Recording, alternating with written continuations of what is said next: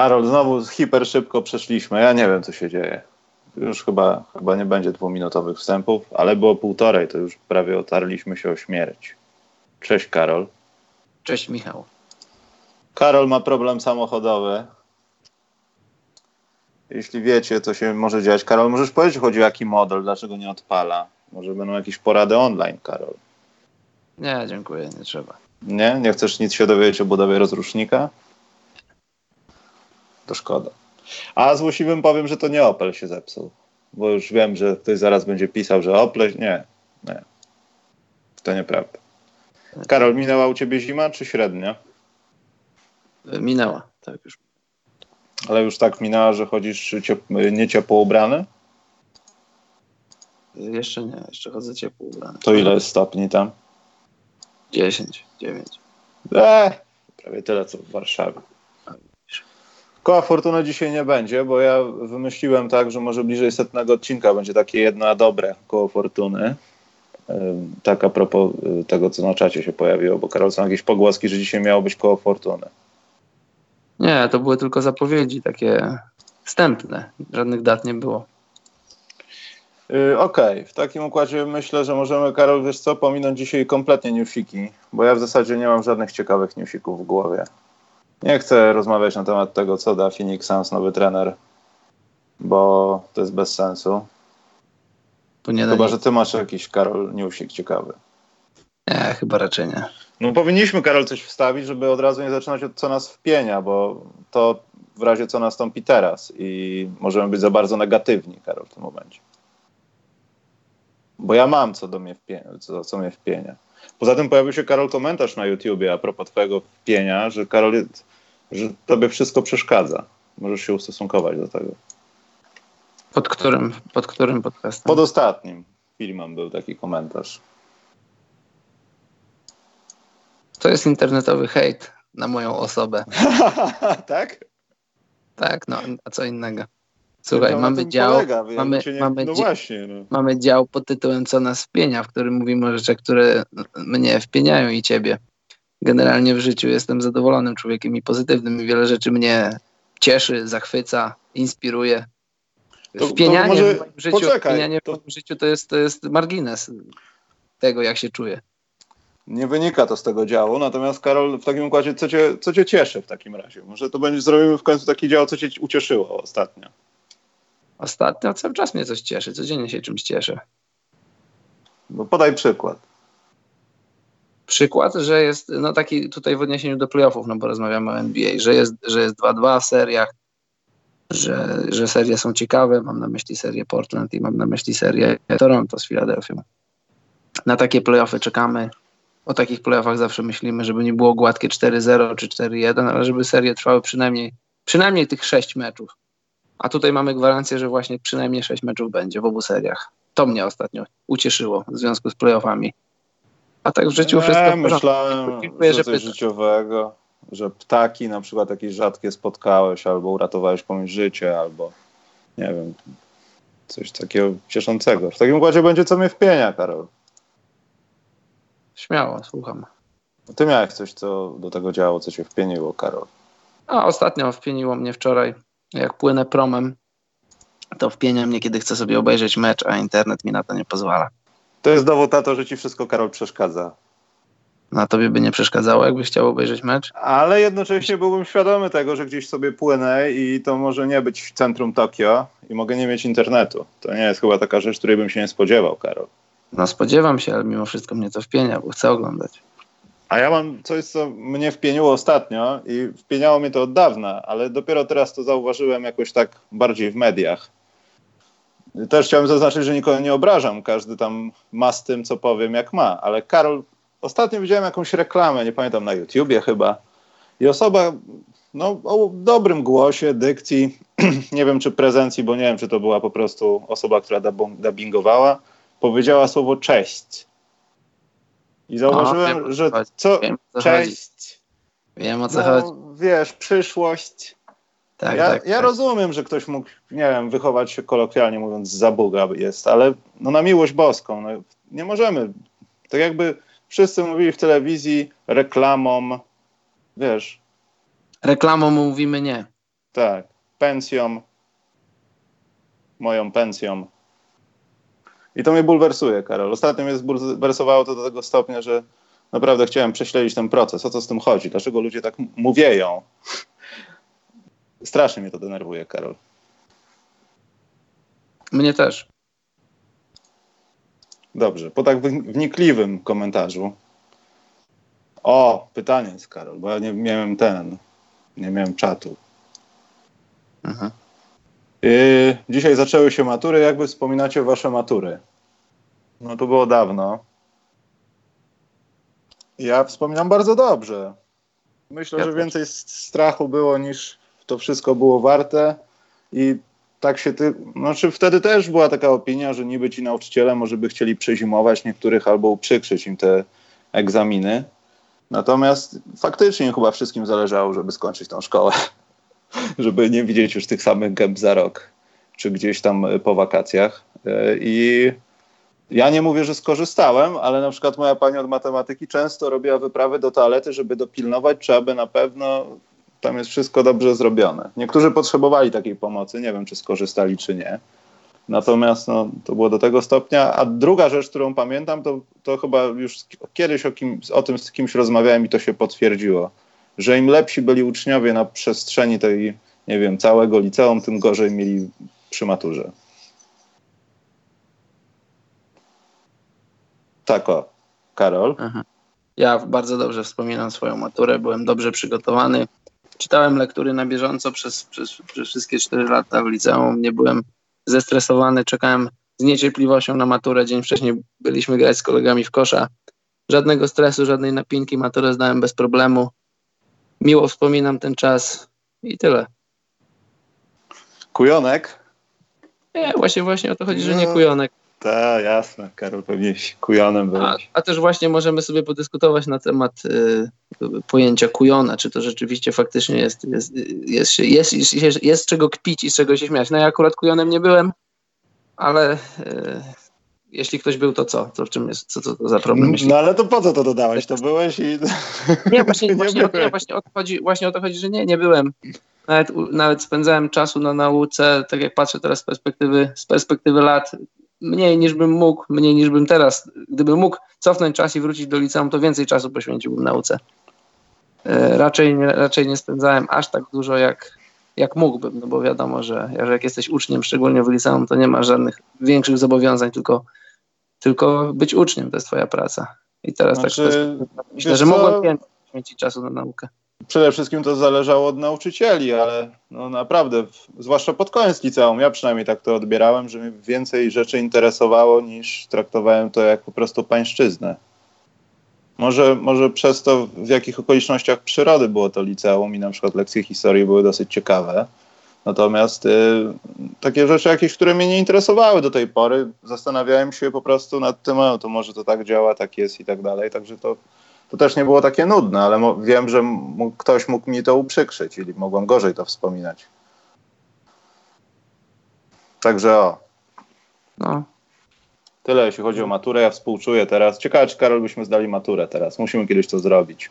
Bez problemu, mogę z miejsca zdawać. Matura online. Taką, taką streamową wersję zrobimy. Lektury pamiętam. Pamiętam, co się mniej więcej w nich działo. Poruszam się sprawnie po tych wszystkich po tych wszystkich, wiesz, erach i, i okresach w literaturze. Bez wypracowania mogę pisać choćby i teraz, zarzuć mi jakiś temat. No znaczy, gdybym musiał, to zrobił inny przedmiot. Ja pisałem z angielskiego, też, też mogę siadać bez problemu. Z geografii też zdawałem, też mogę siadać. No oczywiście, o. jakbym musiał maturę napisać jeszcze raz, to bym sobie, być może sobie bym odświeżył stolicę największych państw, ale myślę, że spokojnie mógłbym usiąść do matury, choćby i teraz. Skoro już zahaczyliśmy, Karol, o chwalenie się i geografię naraz, to. A są fakty, by... same fakty. Cieszy mnie to, Karol, że masz pozytywne podejście. Natomiast y, przejdźmy do playoffów, Karol. Y, jak się by tak postawiło taką linię przez środek, wiadomo, jest wschód-zachód, to mamy w zasadzie po obu stronach NBA to samo. I tak się zastanawiam, co jest ciekawsze.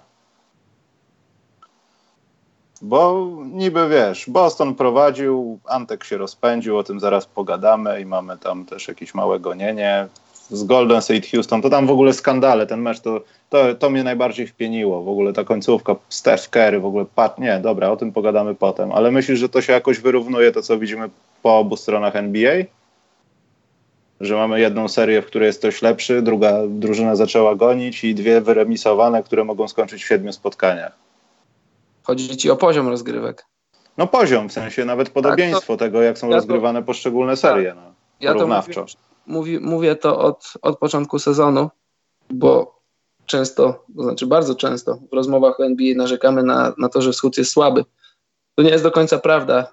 Dół wschodu jest słaby, ale top 4 wschodu nie, ma, nie powinno mieć żadnych kompleksów w porównaniu z top 4 zachodu. Philadelphia, Toronto, Boston, i Milwaukee to są klasowe drużyny, które realnie mogą myśleć o, o tytule, tak samo jak top 4 zachodu.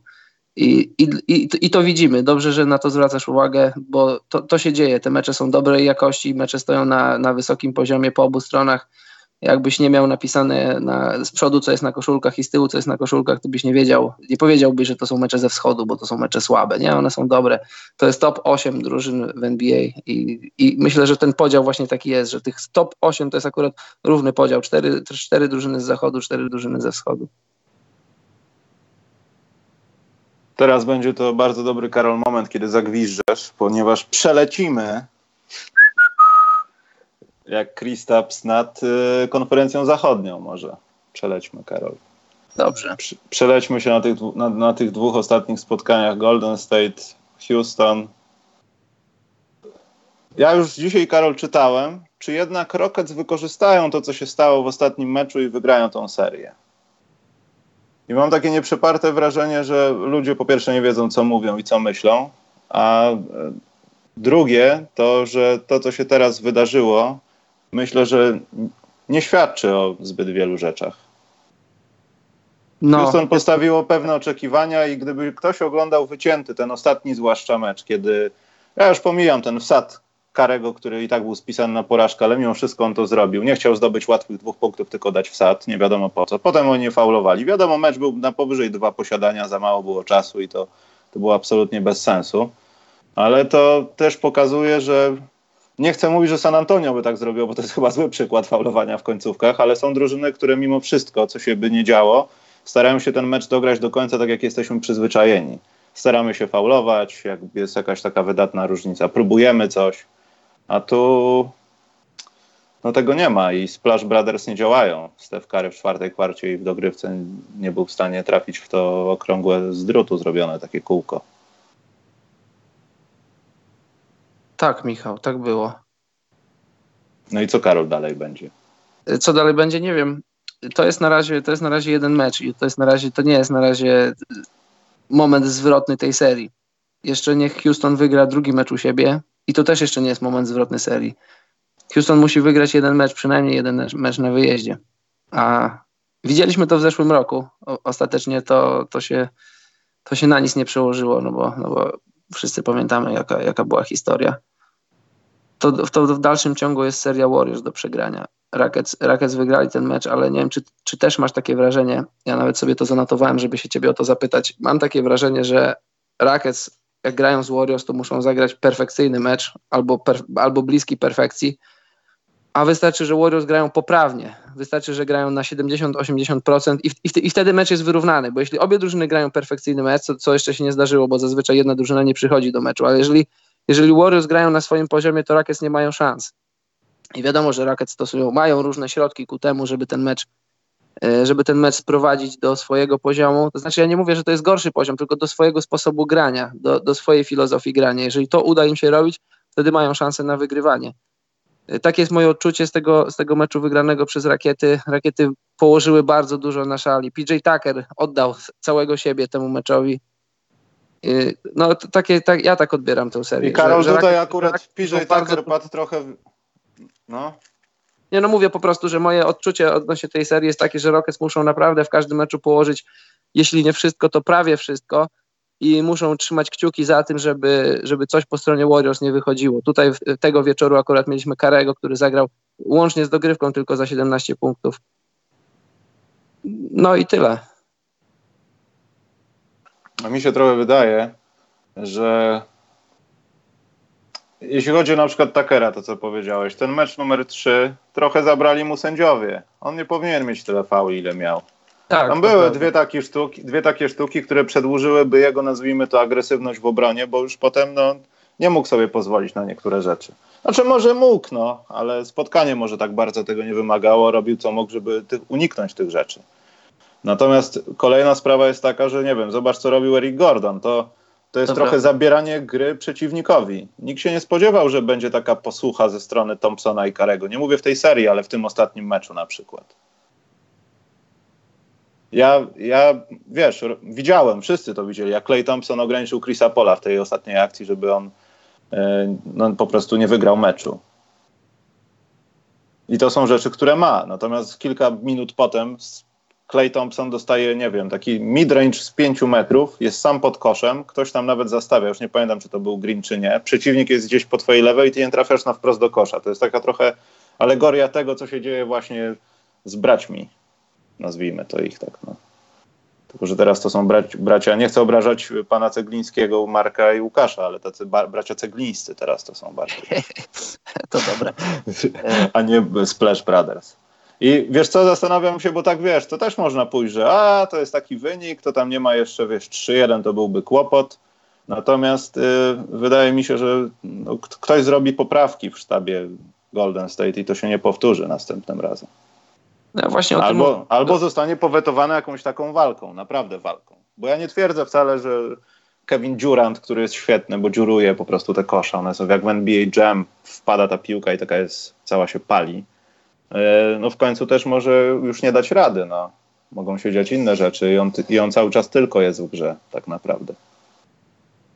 No, tu jeszcze się może w tej serii bardzo dużo dziać, no bo, no bo tak, KD może cały czas trzymać swój poziom, ale to jest, to jest taki poziom, że że w końcu z niego zejdzie. Może nie jakoś drastycznie, ale myślę, że w końcu z niego zejdzie, no bo ileż można zdobywać po ponad 40 punktów w kolejnych meczach playoffs. No ale też Warriors mają nadzieję, że w końcu odpali czy Clay, czy, czy Kary I, i też jeśli to się stanie, to nas to nie zdziwi, no bo to są, to są zawodnicy Hall of Fame poziomu. Rockets jeszcze nic nie wygrali, tyle powiem. Rackets jeszcze nic nie wygrali. Nawet jeśli będzie 2-2, to, to, też, y, to też momentum tej serii jeszcze nie będzie po stronie Rackets. Po piątym meczu, gdyby Rakietom udało się wygrać i ewentualnie w szóstym meczu mogliby zamknąć serię, to też paradoksalnie jeszcze nie będzie seria Rakiet. Ja, ja stawiałem wstępnie na Rakiety, ale to był taki trochę hura optymistyczny typ, bo ja uważam, że, że Rackets mogą to zrobić, bo się dobrze maczepują z nimi i mają dobry system, mają, mają, mają dobry, jeśli ktoś może zneutralizować to co, to, co Warriors mają do zaoferowania w ataku, to, to Rockets są jedną z może dwóch albo trzech drużyn w lidze, które, które mogą to zrobić. No na razie zrobili to w jednym meczu, w pierwszym i drugim. Była szansa, żeby, żeby złamać któryś mecz, czy pierwszy, czy drugi. Nie zrobili tego, to już jest teraz historia. No teraz mamy przed sobą mecz czwarty i piąty, zobaczymy Zobaczymy, jak to się ostatecznie skończy, no bo, bo teoretycznie to możemy w piątym meczu zamknąć serię i, i o niczym więcej nie dyskutować.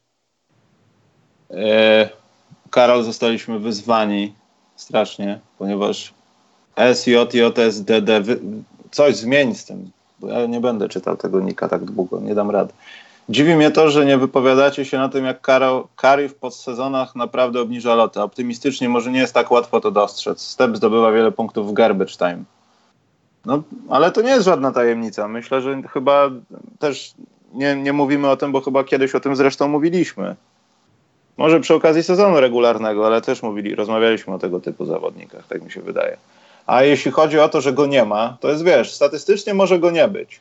Ale wydaje mi się, że, no nie wiem, na każdego nadchodzi taki okres, że po prostu więcej jest tych rzeczy, które ci się nie udają, niż które ci się udają. Natomiast kiedy przyjdzie ten najważniejszy moment i wiadomo, no ja nie wiem, jak przeszkadza mu ten palec w tej lewej chyba ręce, tak? To nie jest ręka rzutowa. To chyba tak.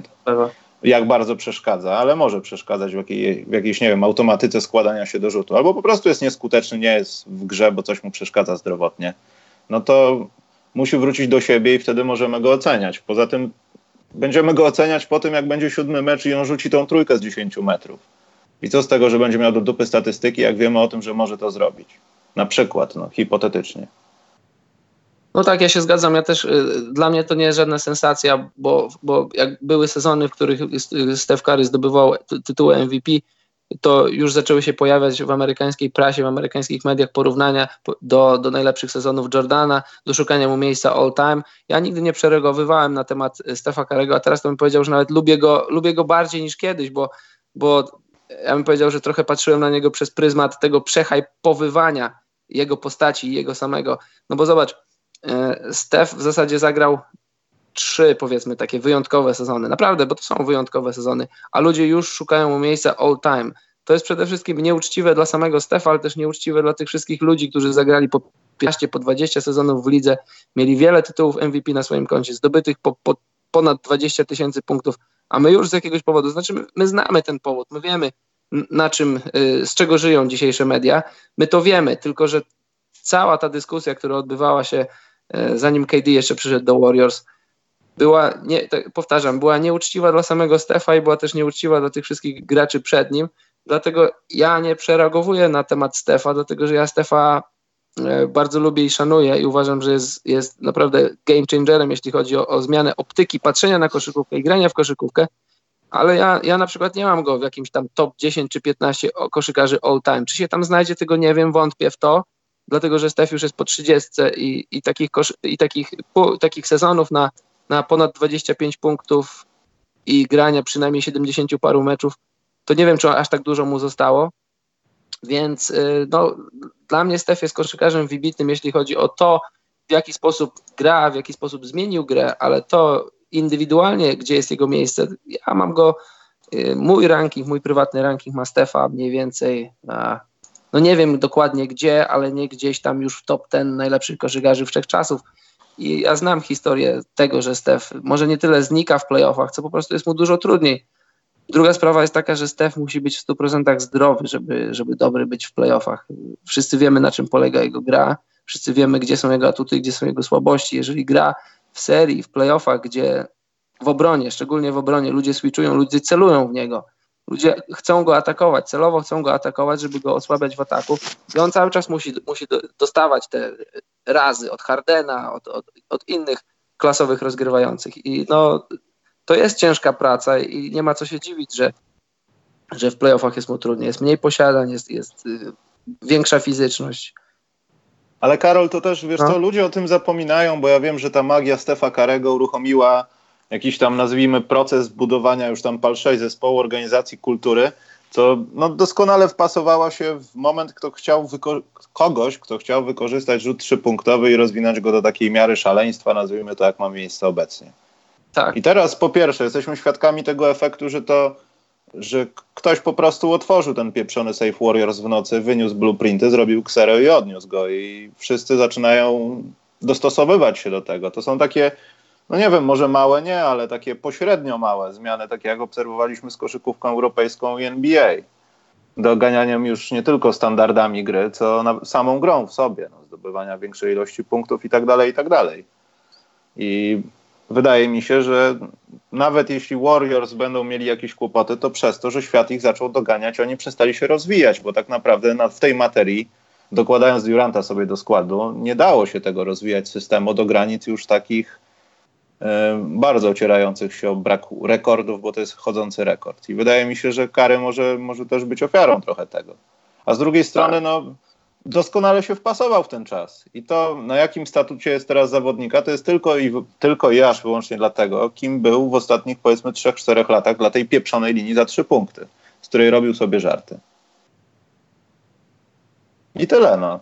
To jest prawda, to jest, to, to jest 100% racji ktoś na coś wpada, na jakiś pomysł, na jakiś sposób y, grania, filozofii koszykówki i, i w pewnym sensie dostaje, dostaje przewagę, ma rok przewagi, dwa lata przewagi, zanim ludzie zrobią ten adjustment do tego, co ty wymyśliłeś. Zobacz, 2008 Celtics to drużynowe granie, 2011 Dallas drużynowe granie, później 2014 San Antonio Spurs, którzy historycznie byli jedną z najlepszych drużyn, jakie, jakie widziały finały NBA. To, to, to ten ekstra, ekstra, ekstra pas, tam, tam ja często mówię ludziom tak prywatnie, że jeśli mogą, mają czas i chcą sobie poglądać jakieś super finały, to niech wrócą do tamtych finałów 2-14. San Antonio zagrało kapitalną koszykówkę, fantastyczną koszykówkę. To, to jest koszykówka, która powinna się podobać i fanom, takim zatwardziałym fanom Euroligi i fanom NBA, bo to była koszykówka na tak, piękna koszykówka. I zobacz, San Antonio byli, byli drużyną, która promowała od lat takie drużynowe granie. Tam zawodnicy zdobywali po.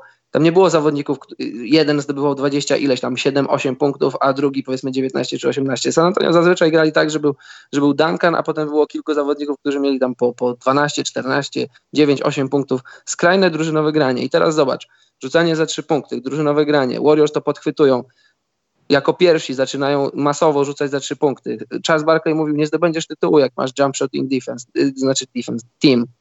No i przychodzą Warriors, pokazują, że jak masz jump shooting team, to możesz też zdobyć tytuł. No i tak jak mówisz, teraz inni podchwytują to, inni przejmują filozofię, inni przejmują te prawidła, które nakreślili Warriors. I teraz na czymś innym będziemy zdobywać tytuły, jeśli, jeśli Warriors ich nie zdobędą. Ktoś będzie miał przewagę jednego kroku, później inni dojdą, później następna osoba, znaczy osoba, następna filozofia wejdzie z czymś nowym. Może wrócimy pod kosz. Ja myślę, że trochę wrócimy pod kosz, że trochę znajdziemy balans między, między rzuceniem za trzy punkty, a wchodzeniem pod kosz, bo zobacz, w ostatnich latach jest tak, że jak ludzie biegną do kontry, to zawsze masz dwóch ludzi w rogach, którzy czekają na trójkę. A na przykład y, wczoraj fajnie Hubie Brown powiedział, Hubie Brown, którego bardzo, bardzo, bardzo lubię i bardzo cenię, to jest takie trochę odświeżające, ale gdybyś spojrzał na to, co się działo w koszykówce 20 lat temu, to jak robiłeś kontrę, to starałeś się pchać piłkę pod kosz. I była taka akcja, gdzie Laury dostał piłkę i mógł rzucać za trzy punkty, ale podał do, do Siakama albo do, yy, do Lenata, to nie jest istotne. W każdym razie zakończyli akcję z podkosza i to było takie wow, takie coś odświeżające, takie coś, no wiesz, to jest niby prawidło koszykówki, ale na, na, w skali NBA to jest taka trochę nowość, że ludzie nie, nie starali się szukać trójki w kontrze, tylko spenetrowali pod kosz. No i wiesz, i drużyny doganiają Warriors filozofią grania, rozumieniem gry i teraz przyjdzie, przyjdzie nowa filozofia. Jaka to będzie filozofia, to zobaczymy. Ja tak jak mówię, myślę, że trochę bardziej wrócimy pod kosz, trochę mniej będziemy rzucać za trzy punkty. Nie rozumiem, o jakim module myślowym mówisz, bo możemy go krytykować jak najbardziej, natomiast podstawą do krytyki jest to, jak coś jest w 100% takie, jakie było jeśli komuś coś nie jest, to tak jakbyśmy oceniali, no nie wiem, kogoś kontuzjowanego jak Blake Griffin, że gra tak jak gra, a jednak coś mu jest, albo mu nie jest. Myślę, że to jest trochę niesprawiedliwe. Ale ja nie jestem obrońcą Karego. Mi to się trochę najbardziej w tym wszystkim nie podoba, że pal 6 ta jego kontuzja, ale w obronie zdarzało się być mu psem. A teraz tak mu się różnie zdarza być nawet kotem w tej obronie. Nie wiem, w czym jest problem. Znaczy to się nie dzieje nagminnie cały czas, ale są ewidentnie momenty, że Steph Curry, nie wiem, w zeszłym roku by jeszcze tam pobiegł. W tym już chyba nie biegnie. I Golden State ja myślę... może dziękować Bogu, że mają takiego Igudale, który czasami rzuci niedolot, ale jednak nie boi się drugi raz skonfrontować z trzema niecelnymi rzutami i trafia kolejną trójkę i dzięki takim ludziom Sean Livingston trochę obudzony. Warriors mają gdzieś tam kogoś, kto ich tam wspomoże, ale to, to na długo nie wystarczy. Stef może nie być do końca zdrowy. Wiem, że to nie jest żadne usprawiedliwienie, ja go nie usprawiedliwiam, bo też nie jestem jakimś jego superfanem i nie będę płakał, jak Warriors odpadną z dalszej rywalizacji, ale żeby Stef był produktywny, Stef musi być zdrowy. Może bardziej niż ktokolwiek inny, bo, no bo Stef nie jest, y, nie jest tytanem, nie jest wielkoludem i żeby dochodzić do pozycji, do której dochodzi, żeby przebijać się na tych zasłonach, to no, musi być zdrowy. Dajmy spokój, Karol, bo dotrzemy do takiego momentu w rozmowie o tej serii, że będziemy już rozmawiać o tym, czy to Clay Thompson jednak będzie w Clippers, bo ja już widziałem takie, taką informację, Karol, w internecie. Nie, ja nie oglądam gry o Tron. Właśnie Karol wpienia mnie gra o Tron też trochę. Nie widziałem Oglądasz... ani, ani jednego odcinka. Ja też nie. Nie jestem hejterem, ale nie rozumiem poleciałem z kilkoma serialami w życiu na takiej zasadzie, ale nigdy takiego hypu nie było. Boże, następny odcinek. To prawie, nie wiem, jak 40-latek w TVP 20 lat temu. Co się dzieje? Chryste. Dobrze, Karol, ale jest coś ciekawszego niż wszystkie seriale. Taka seria jak Denver, Portland jest bardzo ciekawa. I tak się zastanawiam, Karol, faktycznie, czy może kto ma najlepszą dwójkę tych zawodników, takich najlepszych, Karol? Ale poczekaj, tylko jeszcze jedno zdanie. No na czacie się pojawiło, co roku jest ta sama historia, że Kary gra źle i zawsze wytłumaczenie kontuzja. Ja go, ja go nie usprawiedliwiam, ja mam gdzieś to, że Kary gra źle. On może grać źle, może odpadać z playoffów. Może, może nie jest tak dobry, jak niektórym się wydawało, że jest, tylko ja powiedziałem, że ja nie byłem wśród tych, którzy mówili, że jest tak dobry, że jest historycznie dobry. Jeżeli playoffy go przerastają, to go przerastają, a jeśli to, to co widzimy, to widzimy, to ja nie mam z tym żadnego problemu, to tyle. A wracając do. Ja też nie kibicuję tym długim trójką, spokojnie. Nikt tu nikogo nie broni, no ale trzeba być trochę sprawiedliwym. No. Troszeczkę. No, y, seria Blazers y, Nuggets jest, jest super, bardzo mi się podoba. Masz mecze, masz mecze super ofensywne, jak ten pierwszy mecz, masz mecze defensywne, jak drugi mecz, masz mecz historycznie, który zdarzył się tylko raz w historii NBA z czterema dogrywkami. Y, później masz przełamanie parkietów, widzieliśmy to już dwa razy. No jeśli jesteś fanem jakiejś drużyny, no to tam zgrzytasz zębami, no bo trzymasz kciuki za kogoś. A jeżeli jesteś ogólnie fanem koszykówki i chcesz oglądać dobry basket, to co wieczór czy tam co noc odpalasz sobie mecz i dostajesz prezenty pod choinką. Ja jestem super zadowolony, bardzo mi się podoba. Podobają mi się gwiazdy, że gwiazdy przychodzą co wieczór, podobają mi się roleplayerzy, że no, grają swoje role. Alfa, Alfa Rukaminu, Maurice Harkless, yy, Zach Collins, Beasley po stronie Denver i, i, i, cała grupa innych koszykarzy. No, nie wiem, czy jest coś, co może się tutaj nie podobać w tej serii. Wiesz co, nie chciałbym faworyzować żadnej strony, bo teraz coraz dalej jest mi do tego, ja, kogo chciałbym zobaczyć w finale konferencji z tej dwójki, bo jest mi to chyba kompletnie obojętne, bo tam, gdzie znajdziesz odrobinę minusów, to tam też znajdziesz odrobinę plusów i każda z tych ekip mogłaby się tam znaleźć. Natomiast podoba mi się to, że Rodney Hood się odnalazł. Ja miałem takie trochę wrażenie, że to jest gracz, który będzie zakontraktowany, będzie robił jakieś dobre rzeczy w tych playoffach w pierwszej rundzie, gdzieś tam potem będzie kogoś krył, Nieudolnie tak. przeważnie, bo zdarzało mu się. Czekaj, przeciwko komu on to miał? Chyba w tym ostatnim meczu było tak, że w tych dwóch posiadaniach, gdzie Marej rzucał potem osobisty i ustalił wynik spotkania, to był na nim Rodney Hood chyba. Yy, bardzo możliwe. Nie chcę twierdzić, że to były jakieś błędy w obronie, bo już tego nie pamiętam, no ale mimo wszystko coś poszło nie tak.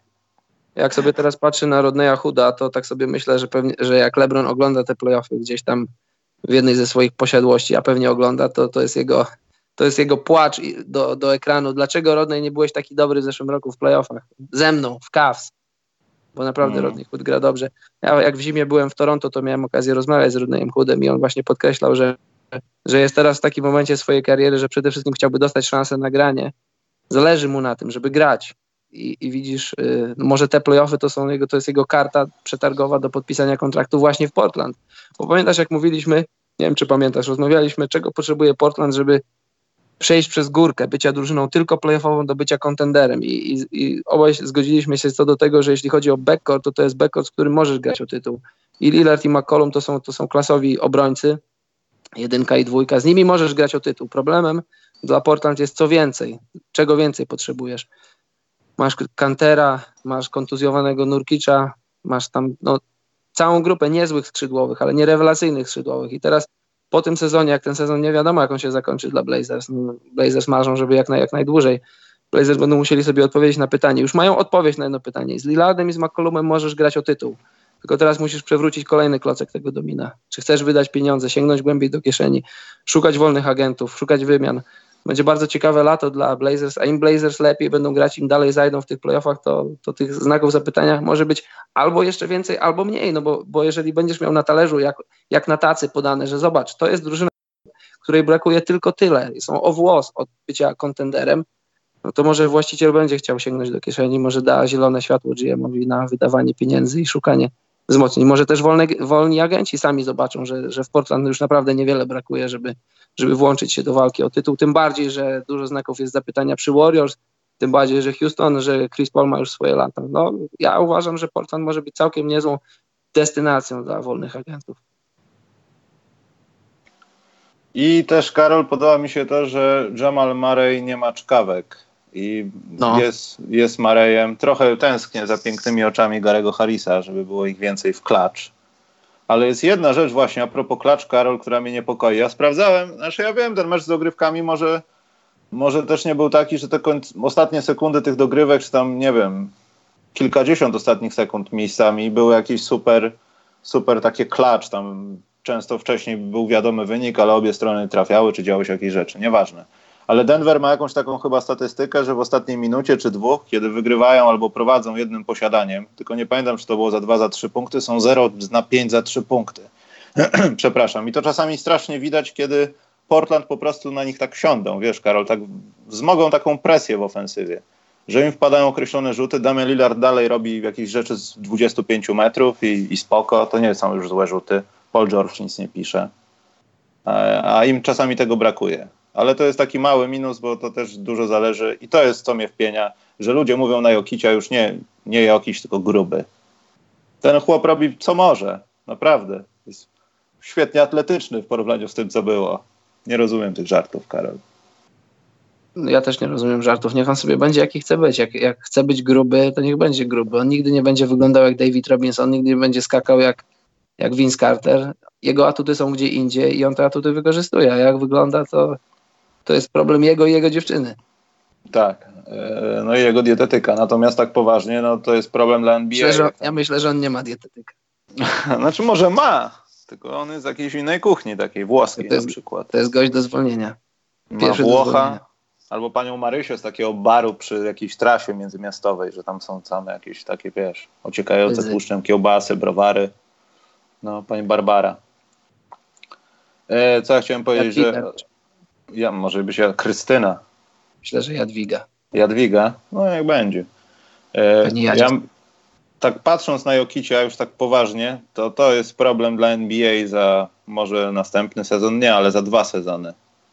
Jeśli faktycznie już pomijając te żarty, trochę z, niej, z niego będzie mniej grubego człowieka, człowieka, w którym widać jakieś takie zewnętrzne umięśnienie. Nie, nie wiadomo, czy to będzie mu pasowało, bo to wiadomo, no, patrząc na Kevina Duranta, no to, to trzeba być takim, jakim jest, ale wydaje mi się, że Jokic może być jeszcze lepszy, jeszcze szybszy, jeśli no, przyłoży się w off-season na przykład do po prostu pracy nad swoją fizyką, bo tam można porobić różne rzeczy, Karol. A wiesz co, ja Zrobimy wcale, z niego jątka, ale on może być taki dynamiczniejszy, wiesz. Ja wcale nie, nie, nie żartuję sobie z jego fizyczności. Jeszcze raz mówię, on sobie niech będzie jaki, jaki chce. I wiesz, paradoksalnie, owszem, wiele rzeczy można zrobić z jego ciałem, bo masa już jest, teraz, teraz może wjechać rzeźba, tylko że ja nie, nie jestem przekonany, nie mam gwarancji na to, że jego gra się poprawi.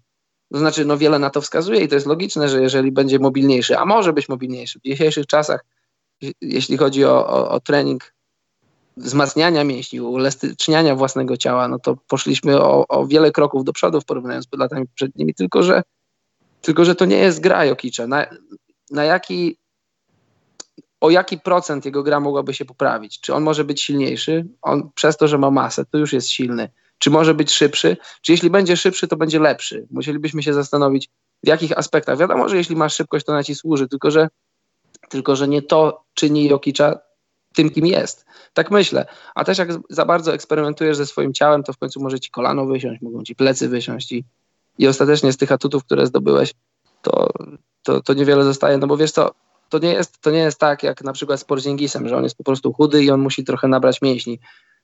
No, Jokic ma sporą nadwagę. Jak, jak za bardzo eksperymentuje. Ale to Karol, swoim... Karol, to też nie chodzi o to, żeby uzewnętrznić jego siłę i żeby było widać kolokwialnie mówiąc buły na łapach tylko chodzi też o to, że może pod tym tłuszczem było więcej tych rzeczy, które można jeszcze z niego wykrzesać, nie wiem, nawet kondycyjnie. Ja żeby myślę, dłużej był są... człowiekiem, który jest na stówę, bo czasami sprawia wrażenie, jakby zdychał. Ja nie mówię tu o czterech dogrywkach, ale widać po prostu, wiesz, już natłok zajęć. Dietetyk nie dopilnował, no. I to może sprawić, że on po prostu będzie lepszym koszykarzem, bo takie rzeczy jak przegląd gry, czy to, jaki, co się dzieje w jego głowie i jak ją postrzega, no to, no to to już jest i tego się ani nie da nauczyć, ani nie da się nabyć, to się ma. Po prostu. O, ja myślę, że on najlepiej wie, jak, w, jakim, w jakim ciele się czuje. On sam mówił, że zgubił parę kilo i czuje się bardzo dobrze, ale też z drugiej strony nie, chce, nie chciałby przeholować, żeby być za chudy i za lekki, a co wiązałoby się z tym, że straciłby trochę swojej, y, swojego środka ciężkości i trochę siły pod koszem, no bo jak się patrzy na te mecze, to no, nie, nie, tylko na te mecze w playoffach tutaj, ale przez, na przestrzeni całego sezonu, czy poprzedniego też, no jest, jest wiele rzeczy, które, które Jokic robi, bo po prostu jest od ludzi silniejszy, wyższy i mocniejszy, tylko że tak jak mówiliśmy ze dwa podcasty chyba temu, ja apeluję do niego, nie wiem czy on nas słucha, żeby, żeby zrozumiał, że on może być, tutaj pozdrawiam wszystkich fanów filmu Matrix, że on może być Neo. On cały czas jest panem Andersonem, ale on może być Neo. on nie, chyba jeszcze nie do końca zdaje sobie sprawę z tego, że, że jego talent, jego IQ w połączeniu z jego fizycznością, bo ta fizyczność jest, jest, jest, jest, jest piekielnie silny. I to wszystko w połączeniu razem może dać gościa, który, który może dominować mecze, na swój sposób oczywiście, ale on może dominować mecze, dominować serię. E, zmieniasz typ, czy zostajesz przy typie swoim, bo ty miałeś Denver chyba? Ja miałem Denver w siedmiu, ten typ nie wygląda źle, zostaje przy nim, ale po, tak jak ty powiedziałeś, y, nie pogniewam się, jak zobaczę którąkolwiek z tych drużyn w finałach, bo lubię, lubię Jokicza, lubię Millsapa, e, Mareja też, ale też lubię McColluma i Lillarda i innych koszykarzy Portland, więc no, no naprawdę, nie, niech wygra lepszy po prostu.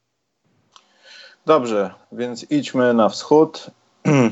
A propos, że wschód, taki wiesz, gra słówka. Tak, tak, tak zrozumiałem. E, no, to mnie cieszy. Milwaukee, Boston. Ja tutaj chyba nie, nie mam za dużo rzeczy, żeby podchwycić temat, ale czy ty w to uwierzyłeś? Bo ja nie uwierzyłem. W sensie, w, wydaje mi się, że to nie jest tak, że coś się przełamało. Że zobaczyliśmy raptem w jednym meczu dominującego w dobry sposób Antka, który ma odrobinę drużyny i pokonał Boston, który się starał, żeby do tego nie doszło. To wydarzyło się w jednym meczu i to chyba nie potwierdza niczego, że nagle teraz Antek będzie tam w paint robił jeszcze bardziej wszystko to, co musi, no bo wcześniej miał trochę z tym problemy.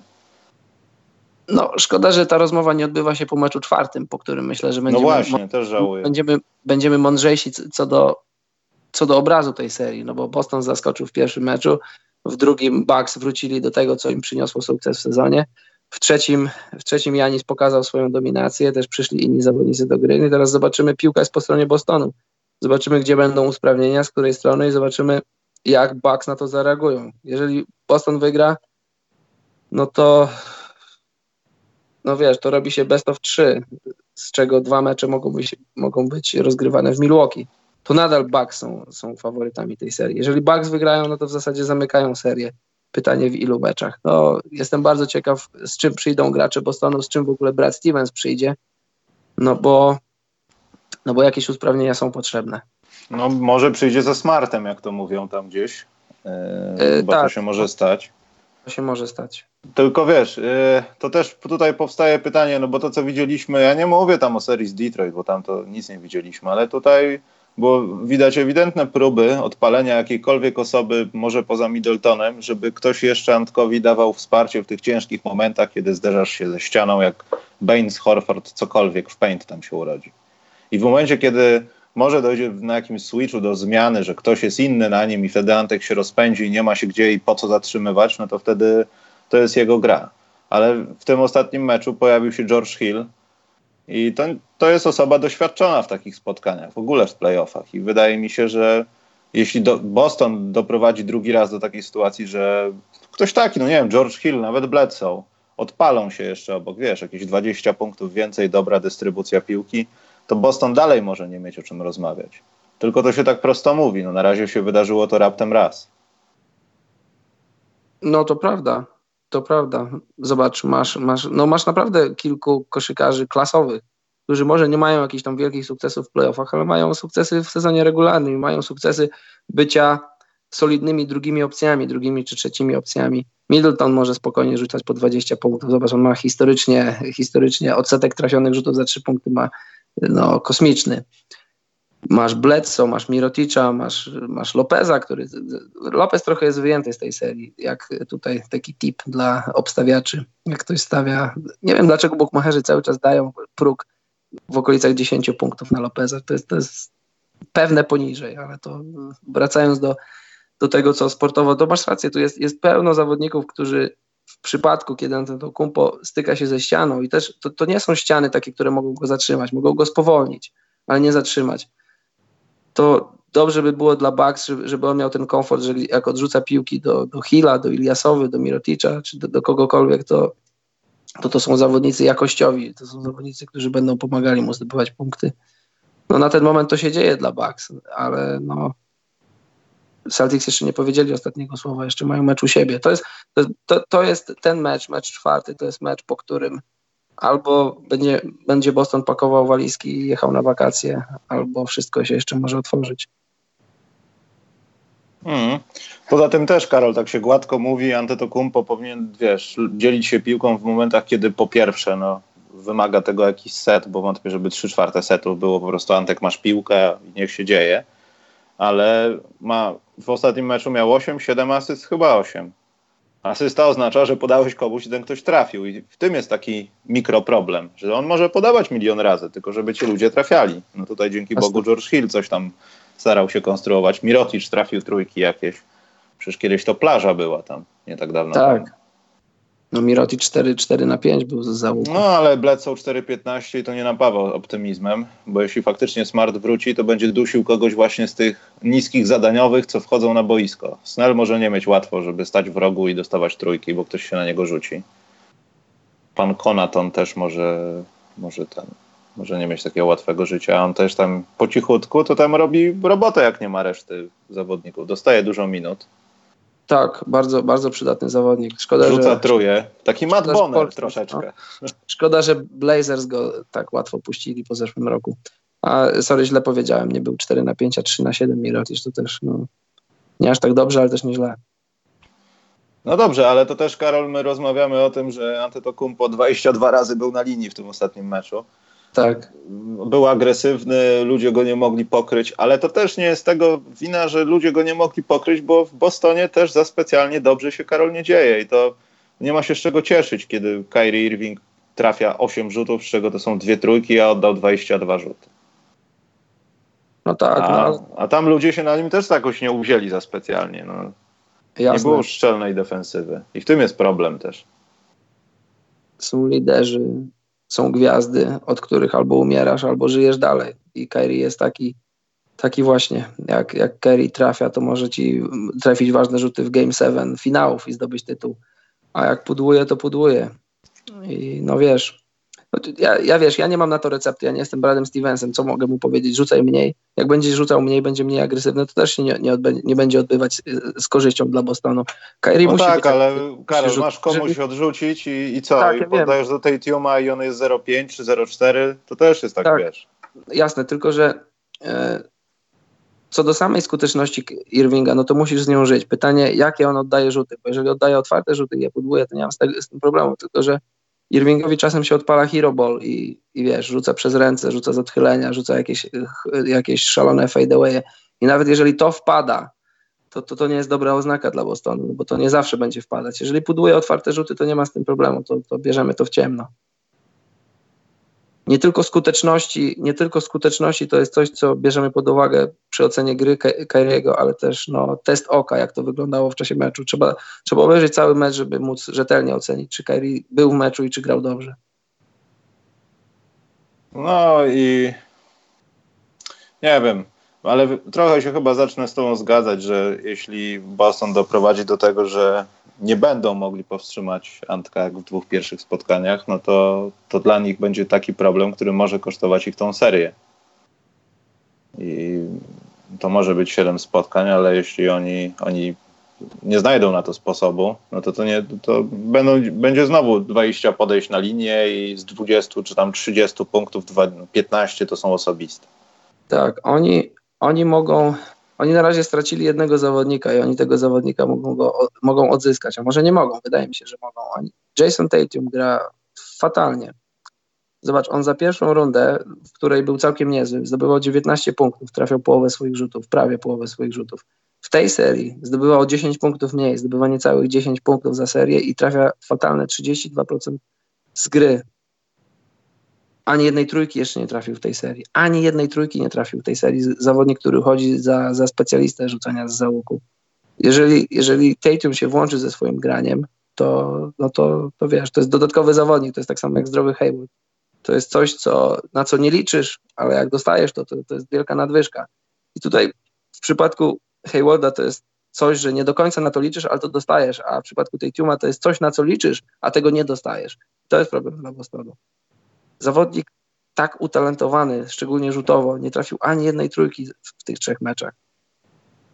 To jest coś. No. Dobrze. Ostatnia seria, Karol, tych playoffów, którą omówimy. Potem troszeczkę możemy pogadać o EBL, bo mam, Karol, ciekawą, taki ciekawy pomysł. Znaczy, nie pomysł, takie przemyślenie mam. Mhm. Że pieniądze to nie wszystko jednak. E, twoje Raptorsiki, Karol, z Torontunia grają z Sixers, Sixersikami. Mhm. I to jest tak samo prawie jak z Denver w Portland. Dzieją się rzeczy. Chociaż uważam, że tutaj doszło do pewnego przełamania i myślę, że Toronto może wygrać sobie dwa najbliższe mecze od tak. No, zrobiła się seria najlepszy. Mamy trzy mecze do końca tej serii, z czego dwa mogą być rozgrywane w Toronto i no, po to pracujesz cały sezon, żeby do, taki, do, żeby do takich sytuacji doprowadzać, że jeśli masz grać Game 7, to najlepiej grać ten mecz u siebie. Też myślę, że tutaj może nastąpić przełamanie, tym bardziej, że tym bardziej, że mogło być 3-1 dla Toronto, bo w tym drugim meczu, który omawialiśmy, w tym meczu drugim nie wydarzyło się nic nadzwyczajnego, po prostu po prostu Brett Brown zrobił pewne usprawnienia, zmienił, zmienił sposób krycia i to z jakiegoś powodu, bo to nie było jakieś odkrycie Ameryki, to, to Ners powinien na to zareagować szybciej.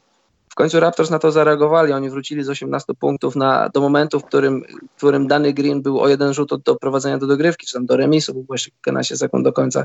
Więc można powiedzieć, że, że 76ers nic im nie, nie ujmując, trochę skradli ten mecz i w zasadzie mogło być 1-3 dla, 3-1 dla, dla Toronto. No zobaczymy, to jest, wiesz, powiedziawszy to wszystko, dalej masz Embida, dalej masz Jimmy'ego, czy tam Jamesa Butlera, dalej masz y, Tobiasa Harrisa i dalej 76ers mogą wygrać piąty mecz w Toronto i zamknąć serię u siebie, ale myślę, że myślę, że Raptors coś odkryli.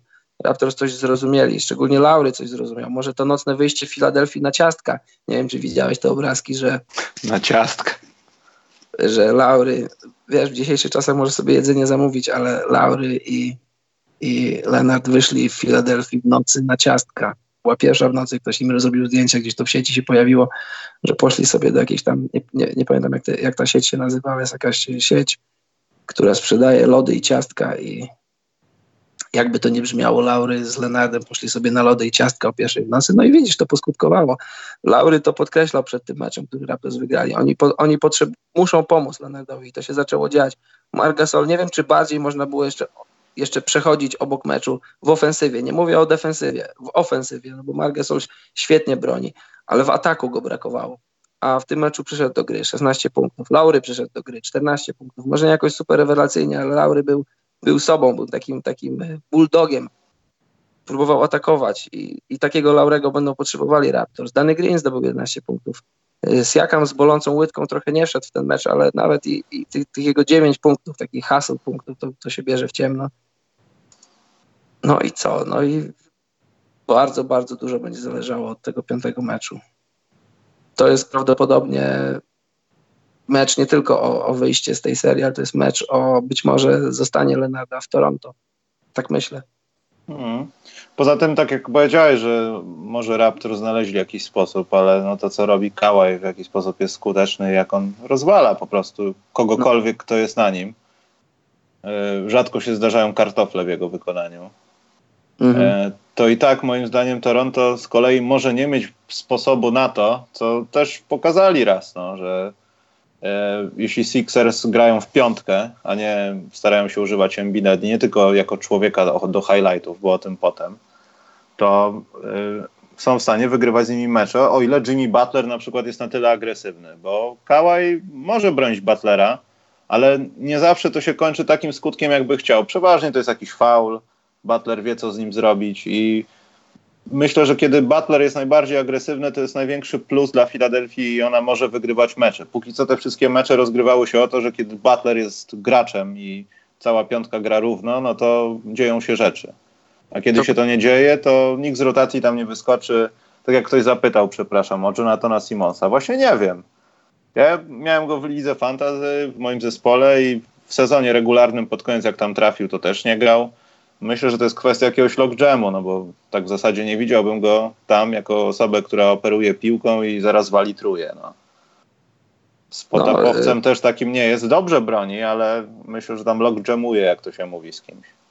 To samo pytanie można zadać odnośnie McConnella, który zobacz, pamiętasz w zeszłym roku on miał, on był bardziej plusowy niż Simmons w serii, w serii z Bostonem. Teraz jest z jakiegoś powodu jest wyjęty z tej serii, no ale to, to tak jak mówisz, to są rotacje, to, to wiesz, to jest wizja trenera a czasami to jest, to jest, to jest po prostu jakiś błąd, jakieś niedopatrzenie. No wiesz, ja tu nie, nie jestem nikim, żeby, żeby krytykować sztab trenerski NBA, ale to jest, to jest czynnik ludzki. No po prostu decydujesz się na jakąś tam ósemkę czy dziewiątkę, ale zazwyczaj to są ósemki w playoffach i, i tymi ludźmi grasz. Bo jak, jak wrzucasz do rotacji nagle człowieka, którym nie grałeś, no to raz, że zaburzasz sobie to, co sobie tam wcześniej nakreśliłeś, a dwa, że wrzucasz człowieka na głęboką wodę. I nie mówię, że temu człowiekowi to się nie, nie uda, tylko że no trochę trudniej jest wejść w serię, kiedy się było z niej wyjętym.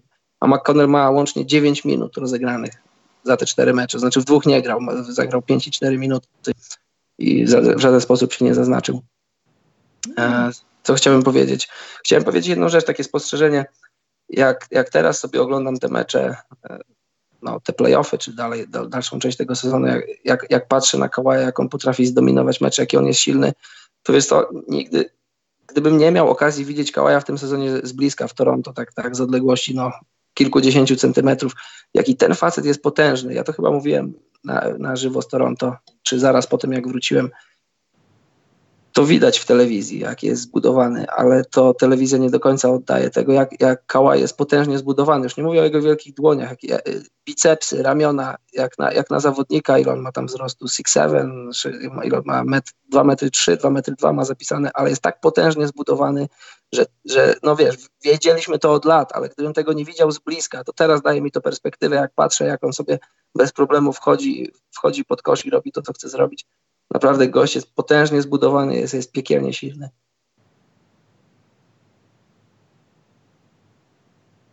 Michał? Sorry, bo na, na czacie odpisywałem. Yy, tak, yy, natomiast Karol, co chciałem o Embidzie powiedzieć, dlaczego człowiek highlight? Bo nie wiem, czy odbierasz to tak samo, ale ja Embida bardzo lubię. Dla mnie to jest taki pozytywny plus tego, co, znaczy plus, pozostałość tego, co było kiedyś w koszykówce. Wysoki, dobrze pracuje na nogach, ręce wystawia, wszystko dzieje się, blokuje. Ibaka no, ma problem czasami, ale to są takie, nie chcę powiedzieć jednostkowe przypadki, ale to się dzieje jakimiś falami, że przez 10 minut czy ilość kolejnych posiadań Embiid jest super, wiedząc o tym, że ma ograniczenia minutowe, a potem dzieją się jakieś dziwne rzeczy. Ja już pomijam płakanie na sędziów, że był faul, jakieś głupie żarty, nie wiem, jego wypowiedzi, jego bycie po prostu czasami jest y, może nie tak bardzo irytujące jak innych zawodników, ale no to takie pretensjonalne momentami bywa i tak się zastanawiam, czy są mecze, jak jest Embiid cały czas w gazie i po prostu zabija wszystkich, ale ile widzieliśmy takich spotkań w playoffach? Jedno, dwa? A nie jest też dla ciebie dziwne to, to znaczy ja tego nie kwestionuję, nie mówię, że tak nie było, tylko nie jest to dla ciebie dziwne, że, że Embiid w tej serii już drugi raz był chory, w meczu drugim, nie, w meczu pierwszym. Znaczy Karol, ogólnie po iluś latach jego bytności w NBA z takim kartą medyczną, to mnie w ogóle dziwi, dlaczego chłop ma dalej restrykcje minutowe i czy ktoś nam nie utrwala tej sztucznej bajki, że on będzie kimś. Dalej trochę gdzieś z tyłu głowy to mam. To mnie dziwi tak. przede wszystkim, wiesz. To wiesz, ile lat trwa już? Jasne, fizyczność to jest jedna sprawa, ale zobacz, y, mecz otwarcia w Toronto, Embiid mówi się, mówiło się, że jakąś tam grypę żołądkową czy coś. Ja mówię, ja tego nie kwestionuję. Nie mówię, że tak nie było. Ale za jedno, nie przypominam sobie, żeby jakaś gwiazda formatu Embida przychodziła do serii i dwa razy chorowała i, i, i to się odbijało na, na występach. Bo w meczu numer jeden nie było Embida, y, nie było go w tym starciu. Teraz mamy mecz czwarty, być może kluczowy dla, dla serii. Też go nie ma i jeśli wierzyć Bredowi Brownowi, to dostał SMS-a rano tego dnia, w dniu meczu o 6 rano, że coachu nie czuję się za dobrze, nie wiem czy wystąpię, no ale będę się starał. No, y, ja nie chcę powiedzieć nic za dużo, jedno słowo za dużo, tylko po prostu mnie to zastanawia, że nigdy wcześniej, jak sięgam pamięcią, wydaje mi się, że nigdy nie widziałem wcześniej takiej sytuacji, że, że zawodnik na przestrzeni serii, danej serii choruje i, i dwu, z dwóch meczów jest wyjęty nie przez obrońców, a przez, nie wiem co, przez samego siebie, przez, ciężko powiedzieć przez co. Wydaje mi się przez karmę, bo ja pamiętam taką konferencję prasową, gdzie on rzucił przy, e, przeciwko Brooklynowi, gdzie on rzucił ten żart, że e, na pewno nie chciałby być w położeniu, w jakim było Golden State Warriors wcześniej. I teraz myślę, że to się dzieje trochę. Halo? Ale ja, ja, powiedziałem, że to było śmieszne. Ja nie uważam, że to było. Ale to było śmieszne, ale też trochę takie, wiesz, no wiedzące dupę, że przejedziemy ich. I teraz te rzeczy się dzieją. I myślę, że gdyby ktoś powiedział, co myślałeś o tym swoim żarcie teraz, spowodowałoby next question.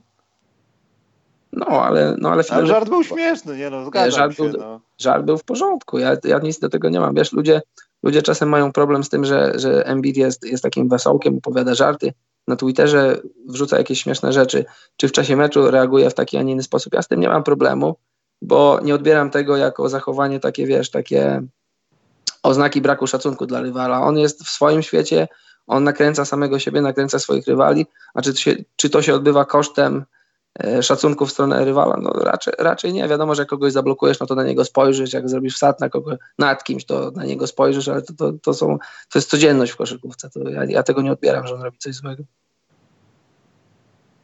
Dobrze, Karol, y, to się skończy w nie siedmiu meczach? E, no, ja myślę, że to się może skończyć w sześciu meczach dla Toronto. Toronto wygrywa mecz piąty u siebie i załatwia sprawę w Filadelfii w szóstym. Rozumiem. Ja nie wiem jeszcze, co mam o tym myśleć. Ten następny mecz muszę zobaczyć bardziej i wtedy może. Ale już jest chyba ciepło. Już myślę, myślę że Filadelfia zastanawia się, co mamy zrobić. Poza tym ktoś tam rzucił na czacie, Brett Brown nie jest najlepszym trenerem. Ja nie chcę być znowu piewcą teorii, że ktoś jest w NBA trenerem i nie jest najlepszy i Karol będzie zaraz mówił, że to jest grupa najlepszych graczy i tak dalej, ale Karol z nim coś jest nie tak. Z Brownem? Tak. Nie chcę mówić, że znowu jest efekt Jimmy'ego Butlera w szatni, bo o tym jeszcze nie wiemy. Jeszcze powiedziałem, ale coś, coś... E, oni albo są jacyś tacy zagrzeczni, albo coś jest nie tak, Karol. Zawodnicy? No. Tak, ale... Embiid nie jest zbulwersowany, ej, kaman, dobra, ja się źle czuję, ale chcę 48 minut, trudno, zabiję się, ale wygram tą serię. I takie jest podejście, eee, Kawhi Leonard, eee. Wiesz tak co, to trochę jak, odbieram. Jak tak pa patrzę na, na skład Filadelfii, to to wcale nie jest dobry skład, znaczy nie jest, nie jest idealny skład, żeby być coachem tej drużyny, bo masz, masz cztery gwiazdy, czterech potencjalnych All-Starów, masz ławkę, na której siedzą całkiem wartościowi ludzie, tylko ułożyć to w porządną rotację, no bo powiedzieliśmy to już, zastanawialiśmy się w trakcie sezonu, jak, jak dochodziło do tych wszystkich zmian, że mamy wątpliwości co do tego, że czterech najlepszych zawodników Filadelfii może w jednym momencie grać na parkiecie, szczególnie w playoffach. Ja nadal te wątpliwości mam. I wiesz, teraz jest pytanie, bo ja na przykład nie podoba mi się, jak Ben Simmons gra w tej serii. W ogóle Ben Simmons w playoffach to jest trochę inna bajka niż Ben Simmons w sezonie. I teraz pytanie. No to... właśnie, Karol, ale nie no. odbierasz no. tego, że on jest wysyłany, wiesz, jest medykiem, a robią z niego snajpera, no. No to jest, to jest dobre pytanie. Ja tego nie wiem. Musiał, musielibyśmy być na treningach, musielibyśmy być na odprawach. Co Brett Brown mówi Simonsowi, gdzie go widzi, gdzie chce nim grać, a gdzie sam Ben Simmons siebie samego widzi. No bo wiesz, wszyscy wiemy, gdzie są jego ograniczenia, więc zapewne Brown nie, nie robi pod niego setów, żeby on rzucał za trzy punkty. No to, to żartuje, to, to, to, to jest oczywiste. Ale to, że na przykład w meczu 1 i 2 Simons oddał 7 rzut, oddał 8 rzutów i 6, no to to jest, to jest pytanie, czy to Brett Brown celowo ogranicza mu posiadania, czy on sam z jakiegoś powodu nie czuje się pewny, żeby oddawać rzuty, żeby próbować wchodzić pod kosz. Ja tego nie wiem, musiałbym pogadać z Simonsem, musiałbym pogadać z Brownem. Y, oceniam na podstawie tego, co widzę, a to, co widzę, to nie do końca mi się podoba. Nie do końca mi się podoba w odniesieniu do całej rotacji, ale też nie do końca mi się podoba to, w jaki sposób Ben Simon gra. Czy to jest wina Browna? Być może jest, ale tego nie wiem. Bo wiadomo, okay. że jeśli chcesz, żeby, wiadomo, że jeśli chcesz, żeby twój zawodnik był agresywny, no to musisz mu pomóc, dostarczyć mu piłkę. Ale też wiele zależy od samego zawodnika, no bo zobacz, Jimmy Butler w serii z Brooklynem nie był rewelacyjny, był co najwyżej średni pierwszym meczu z Toronto też był co najwyżej średni. Wszystko się zmieniło w drugim meczu, no ale to przecież to przecież nie Brett Brown ma powiedzieć Jimmy'emu bądź agresywny, to on sam w swojej głowie musi do tego dojrzeć, zrozumieć to. Znaczy, tu nie ma do czego dojrzewać, bo Jimmy Butler ma swoje lata i wie, jak się wygrywa w playoffach.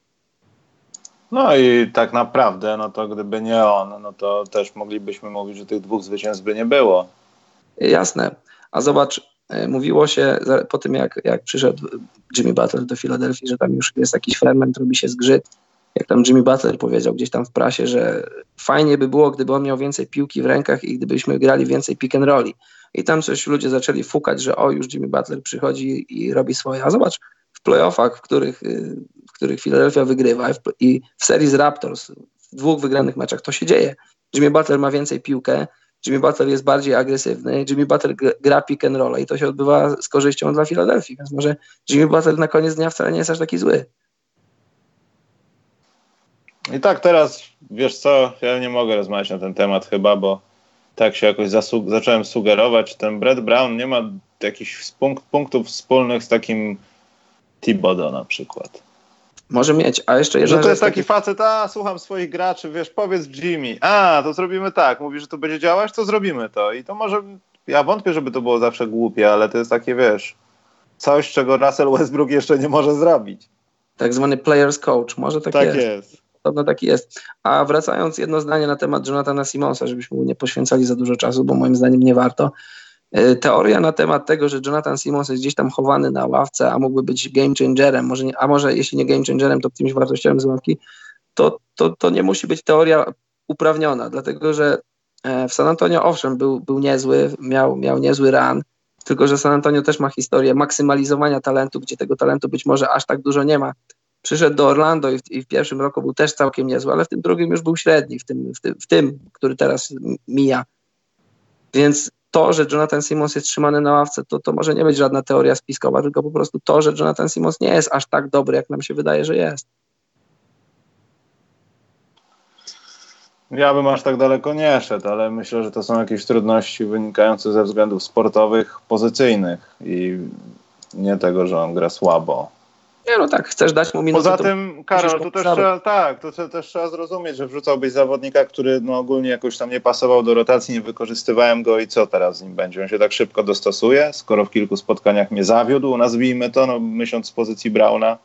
No tak, o to, to też zobacz. nie jest taka prosta sprawa. Jasne, zobacz na przykład, y, na przykład Isaiah Thomas w Denver. Chciałbyś go odkurzyć i chciałbyś mieć chociaż, chociaż połowę tego, co miałeś y, z, z niego w Bostonie. No ale to nie jest tak łatwo wejść w serię, wejść w mecz, jak nie grałeś, tygodniami nie grałeś. Treningi to nie jest to samo co mecze i teraz odkurzasz, odkurzasz go z ławki, wrzucasz go do, w sytuacje, w których on ma być produktywny. Tego gościa już może nie być, to może być już tylko mgliste wspomnienie tego, kim był. Przez, przez zdrowie, przez y, okoliczności, przez to, że, że wiele tygodni już nie grał w koszykówkę. Okej, okay, to myślę, że na tym możemy zamknąć. Myślę, że może też się przydarzyć taki moment w tym tygodniu, że pogadamy już o rzeczach, które się zakończyły. Kto to wie? Ja na razie, Karol, ja wiem, że ty nie oglądasz, ale skoro jesteśmy w playoffach, to ja bym chciał o polskiej lidze troszeczkę. Słucham. Bo powiem ci, że jest taka drużyna z Stal Ostrów.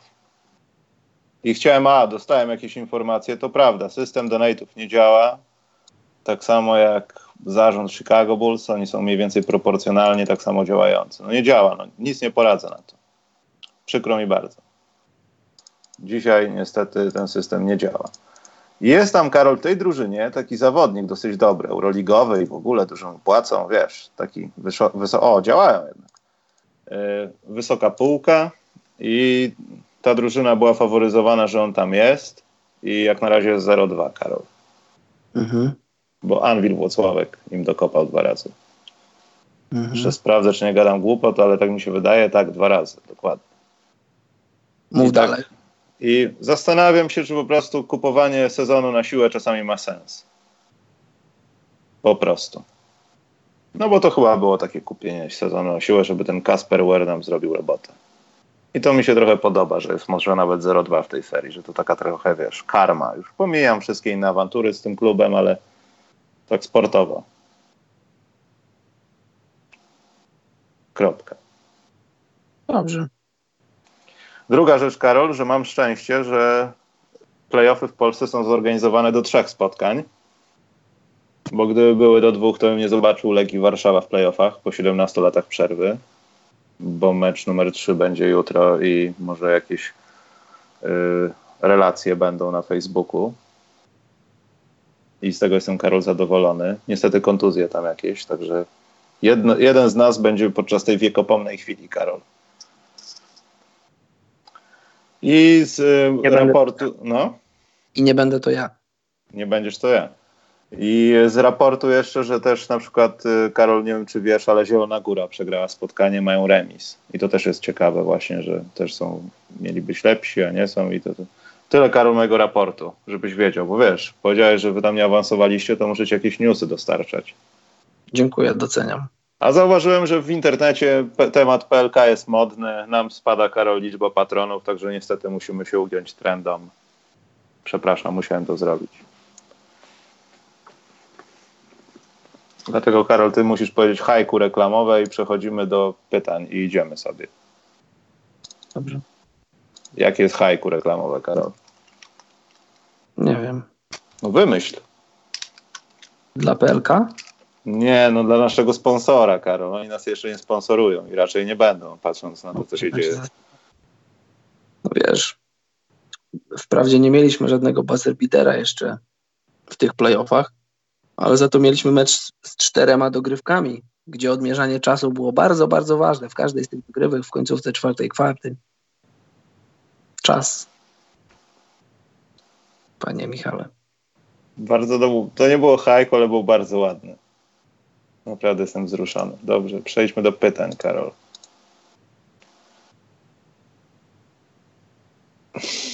Nie dojdzie do żadnego komentarzu na Legii, to są pogłoski. Ja będę płakał cały mecz, że tam jestem ze szczęścia. O, Bartek będzie komentował, także ekstra. Tak, mieliśmy na koniec połowy seft kary, no super. Naprawdę Mateusz ekstra to było. Dokładnie. To był rzut, który mnie wpienił. Tak, to był taki. A wiesz dlaczego? Ty, ale wiesz co, te dogrywki mogły być jakieś takie bardziej e, takie, że są, wiesz, pod koniec coś się dzieje. One takie pod koniec nie były właśnie, bo coś... A wiesz, dlaczego rzut karego mnie wpienił? Nie wiem.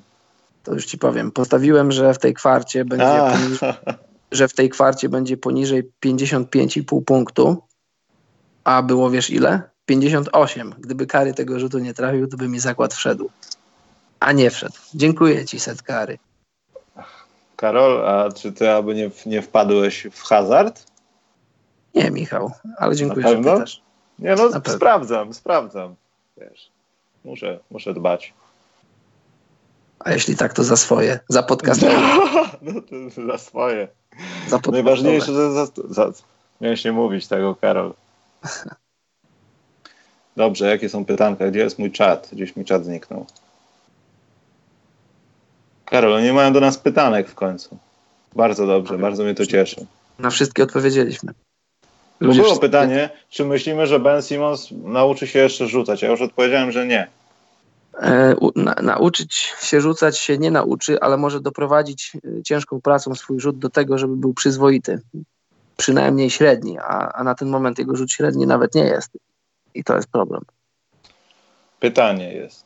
Co mnie w tych playoffach zastanawia i ciekawi mnie wasze zdanie. Co może mieć taki trener NBA w głowie, który gra pewnymi zawodnikami po plus 46 minut na mecz? Eee, nie mieć żadnego Jeszcze wyjścia? Jeszcze raz powiedz, zadaj pytanie. Dlaczego? Bo nie usłyszałem. ale teraz na pewno będziesz słuchał? No pewności nie mam, ale nie mamy wyjścia, musisz spróbować. No to ja trzy i na jeden zaczynam. Trzy, dwa, no. jeden, Karol, czytam. Uwaga, A? czytam, czytam. Tak. Co mnie w tych playoffach zastanawia i ciekawi mnie wasze zdanie. Co może mieć taki trener NBA w głowie, który pewnymi zawodnikami gra po plus 46 minut na mecz, minuty na mecz? Aha, okej, okay, rozumiem. Ale rozumiem, że to jest zarzut, że, że zawodnicy są e, eksploatowani za bardzo. No to tak jak Michał powiedział, a co ma taki jeden z drugim zrobić? Po pierwsze, to nie ma wyjścia, bo się rotacje zawężają do ośmiu zawodników. To jest jedna sprawa. Druga sprawa to to jest taki trochę mit, że jak się gra zawodnikami duże minuty, to, to mikrourazy i kwas mlekowy i różne inne rzeczy. Jest dużo, w NBA jest dużo timeoutów, dużo różnych przerw. To, to, to nie jest aż takie mordercze dla zawodnika, jak zagra tych 46 czy 47 minut na przestrzeni meczu, tym bardziej, że nie gra się w back-to-back, tym bardziej, że, e, że sztaby medyczne, które doprowadzają ludzi później do, do stanu zdrowia, używalności, stoją trochę na wyższym poziomie niż, niż w innych ligach, więc E, nie martwmy się aż tak bardzo o zawodników. To są zawodnicy NBA, to są ludzie, którzy, którzy pracują na swoją siłę, na swoją kondycję i to, to, to nie jest tak, że wiadomo, że to jest zmęczenie, oczywiście, ja im nie ujmuję, nie, tutaj, żebyście mnie nie zrozumieli źle, ale też nie przesadzajmy z tymi minutami. No ale ogólnie jeśli, no to nie ma wyjścia. Jeśli musisz, no. Tak, no jeśli musisz zagrać 45 minut plus, no to musisz zagrać 45 minut plus i już, no. No to się rozszaleli z tymi pytaniami. Po co ja o tym za zaczynałem to w ogóle? Właśnie. E, Bartek Misztal, przypomnijcie sobie, jak, przypomnijcie sobie, jak Gary Harris zawiesił się w powietrzu i zrobił reverse layupa. Jakieś, jakie flashbacki mieliście i dlaczego związane z MJ-em? Ja nie miałem żadnych flashbacków z tym związanych. Ja modliłem się o to, żeby upadł normalnie i znowu nie stracił 15 tygodni gry. Ale co, nie przypomniał ci się Jordan? Mi się przypomniał na przykład taka akcja przeciwko New Jersey Nets. Tak leciał, leciał, leciał. W takich momentach bardziej przypomina mi się Julius Erving. A też, czemu nie? Kiedy robi to z prawej strony boiska, przynajmniej tak jest kamera i on jest gigantycznym afro i jego głowa jest pod tablicą, potem hyc. To chyba bardziej coś takiego mi się przypomina. Czy Durant jest w tej chwili najlepszym koszykarzem na świecie? Tak. W tym momencie tak. Aktu aktualnie jest w tej opcji takiej, w której kiedyś był podczas ostatniego lockoutu kilka lat temu, kiedy grał sobie na Rooker Park i rzucał zewsząd. To on jest teraz właśnie w takim stanie psychicznym. Zewsząd? Zewsząd, dokładnie. A co? Nie no, nic, że zewsząd, tak, rzucał zewsząd. No i zewsząd rzuca dalej. Yy, jak toksyczne są takie koszmarki jak kontrakty Lebrona i Pola? Dać najwięcej pieniążków facetowi, który się kończy, mnie drażni, dużo bardziej w przypadku Rockets, bo szkoda Hardena. No ale trzeba przypomnieć, że te pieniążki są za coś. Jak widać od kilku lat, chociaż może w małym stopniu i faktycznie w przypadku Pola te pieniądze się nie zgadzają na sportowy tak umysł, ale to też nie są zmarnowane pieniądze. No. Tak, tak, tak, tak. Ja już nie mówię o sporcie, mówię o względach dookoła sportowych. Tam się trochę gdzie indziej pieniążki zarabia i to, co jest w kasie klubu, to jedno, a to drugie, to drugie jest. Jasne, ale tutaj, tutaj nie, ma, nie ma żadnego rozwiązania na to, bo jesteś zawodnikiem 30 lat plus i zostajesz wolnym agentem. Dostajesz kontrakt czteroletni, maksymalny, z czego wiadomo, że sportowo tak dobrze to zagrasz może dwa lata, że rok trzeci i czwarty już nie będzie tak dobry. Tu mówię na przykład o, o, o Chrisie Polu. Wiadomo, że, że rozgrywający trochę, trochę, trochę brzydko się mogą starzeć. No ale nie jesteś w stanie nic więcej zrobić. Jeżeli ma, możesz dostać od Chrisa Pola dwa lata, czy trzy z tych czterech, w każdym razie nie cztery z tych lat walczenia realnego o tytuł, to te lata bierzesz, bo jeżeli nie dasz mu maksa, maksymalnego kontraktu, to ktoś inny mu da i ktoś inny z tych lat skorzysta no, musisz po prostu się z tym zgodzić, że, że takie są realia w NBA, że jeżeli podpisujesz czteroletni czy pięcioletni kontrakt, to tak sportowo będzie ci on opłacał przez dwa albo trzy lata, na pewno nie, nie, nie przez wszystkie lata, ale w tym ostatnim roku czy przedostatnim roku nadal będzie sprzedawał koszulki, nadal będzie sprzedawał bilety i, i marketingowo ten, ten kontrakt się zwróci, więc w ogólnym rozrachunku musisz zapłacić za usługi Chrisa Pola, no bo tu akurat skupiamy się na tych dwóch kontraktach, żeby dać sobie szansę, dać Hardenowi szansę, żeby miał klasowego rozgrywającego do zdobycia tytułu. To nie są zmarnowane pieniądze. Tak to działa nie ma na to innego rozwiązania. Jeżeli jest jakieś rozwiązanie, to chętnie posłucham, tylko że wiem, że to rozwiązanie to jest czysta utopia i to w warunkach NBA się nie dzieje, bo jeżeli ja jestem wolnym agentem i chcę zostać w drużynie, z którą będę grał o tytuł i mam ponad 30 lat, a to jestem sobie w stanie wyobrazić, bo jestem, jeżeli ktoś nie da mi maksa, to idę do innej drużyny, gdzie dostanę maksa i to jest proste, nie ma, na, nie ma innego rozwiązania na to. No właśnie, no jak ktoś płaci, to co? Ale ja też rozumiem takie podejście, że no może patrząc na tą dwójkę, to LeBron i Chris Paul to są nieporównywalni, jeśli chodzi o przeliczenie tego, co dajesz na boisku za te pieniądze, które ci zapłacili, bo no LeBron ma teraz potknięcie, ale ogólnie jeśli chodzi o ten overall, to jest dominacja. No. Starość już powoli, ale dominacja. Jasne. Dobrze, idźmy dalej. Yy... Patryk Marzec. Czy Kałaj nie jest lepszy od Duranta? Myślę, że to jest jak z, z żywiołami, że co jest gorsze, powódź czy, czy susza. Jakbyś tak, y, ja, ja zawsze patrzę, staram się patrzeć na to w taki sposób, jak masz y, w grze komputerowej, masz różne tam takie umiejętności i masz tą skalę od 1 do 100. I, i na tej podziałce y, moim zdaniem więcej punktów ma, ma KD są elementy gry, w których lepszy jest Kawhi, jest lepszy w obronie, jest, jest, jest, no w zasadzie ja bym powiedział, że tylko w obronie jest lepszy, bo lepiej podaje, lepiej podaje KD, rzutowo też jest lepszy KD, KD lepiej kreuje dla samego siebie. W skali Zatem, ogólnej, no. Karol, mamy tutaj też taką sytuację, że musimy oceniać ludzi, którzy są do siebie niepodobni, bo e, po prostu Durant ma lepsze ciało, mi się wydaje, tak w sumie kiedy rzuca za trzy punkty i wyskoczy, to ludzie mogą mu co najwyżej zasłonić twarz, bo do rąk to mało kto. To, To samo prawda. dzieje się w szybkich kontrach, to samo się dzieje w obronie, że niby jest chudy, niby nie jest aż tak mocno umięśniony, że kogoś bierze na klatkę, a on cię bierze na pierwszym kro- kroku na klatkę, rzuca i tymi długimi rękoma, palcami nawet zabiera ci piłkę, bo ty się nie przebiłeś, tylko rzucasz z odchylenia dwa metry od kosza ze środka. To prawda. I teraz na przykład pytanie jest, gdybyś wrzucił, gdybyś wrzucił KD do Raptors, a Kawaja do Warriors, to kto by na tym zyskał, a kto by na tym stracił? Ja myślę, że myślę, że Raptors nie byliby gorsi i nie byliby, byliby w tym samym miejscu, gdzie teraz są Raptors, a gdybyś wrzucił Kawaja do Warriors, to ja mam, mam wątpliwości, gdzie byliby Warriors. Gdyby, gdyby przyszło im mieć za lidera Kawaja. Ja nie, ja nie kwestionuję, nie stawiam znaków zapytania przy, przy liderowaniu Kawaja, tylko że to jest trochę inny typ zawodnika i jeżeli pytasz... Nie no, Karol, nie, nie, No. porównując Kałaja i Duranta, to no dobrze, padnie przekleństwo i może zdejmą nam motyw, motyw, monetyzację, ale Durant pozostaje cały czas w końcówce po prostu w kur strasznie. Tak, to jest Kałaj jest wszystkim- taki, tak. Jak wiesz, jogurt. Może za dwa tygodnie go otworzyć, pół roku przytrzymać w lodówce, nie zatrujesz się, dalej ma smak, ale to wiesz, że to każdy jogurt jest taki sam. Mimo, że to, co robi na boisku jest fenomenalne, bo to jak wykorzystuje pozycję, w jaki sposób rzuca. Jego rzut wygląda no trochę jak Robocopa, ale jest taki, jakbyś go wyciął z książki. Taki człowiek z plasteliny. Ktoś go kiedyś dobrze nauczył, odrobina talentu i jest wszystko. Dla mnie w przypadku KD to jest ta łatwość w kreowaniu sobie pozycji do rzutu i tak jak ty powiedziałeś, no Przy tych niewiele- rozmiarach. przy tych rozmiarach jest niewielu zawodników, którzy są w stanie doskoczyć do, do rzucającej dłoni KD i to jest coś, to, jest- to, to, to jest rzecz, która historycznie zdarza się bardzo, bardzo rzadko, tak historycznie jakim strzelcem jest KD, to możesz policzyć na palcach maksymalnie dwóch rąk, a może nawet jednej. W przypadku atutów, atutów Kałaja, on też jest fantastycznym strzelcem, ale jeśli chodzi o jego obronę, co jest jego moim zdaniem no, być może większym atutem, e, nie jest łatwo w dzisiejszych czasach bronić i nie jest, nie jest łatwo dominować grę w obronie. Kawhi to robi, robi to bardzo często, ale jak oglądasz mecze i też o sędziowaniu wiele razy wspominaliśmy, zbyt wiele rzeczy odkładasz w ręce innych, to znaczy powierzasz innym. Danego, jednego dnia sędzia może ci gwiznąć dwa szybkie faule, siadasz na ławkę, ale jeśli nie siadasz, to już nie możesz być tak agresywny w obronie. I ty też to powiedziałeś dzisiaj, Michał, że on kryje Jimmy'ego, ale też Jimmy dostał na przestrzeni tej serii kilka, kilka gwizdków, których być może nie powinien dostać.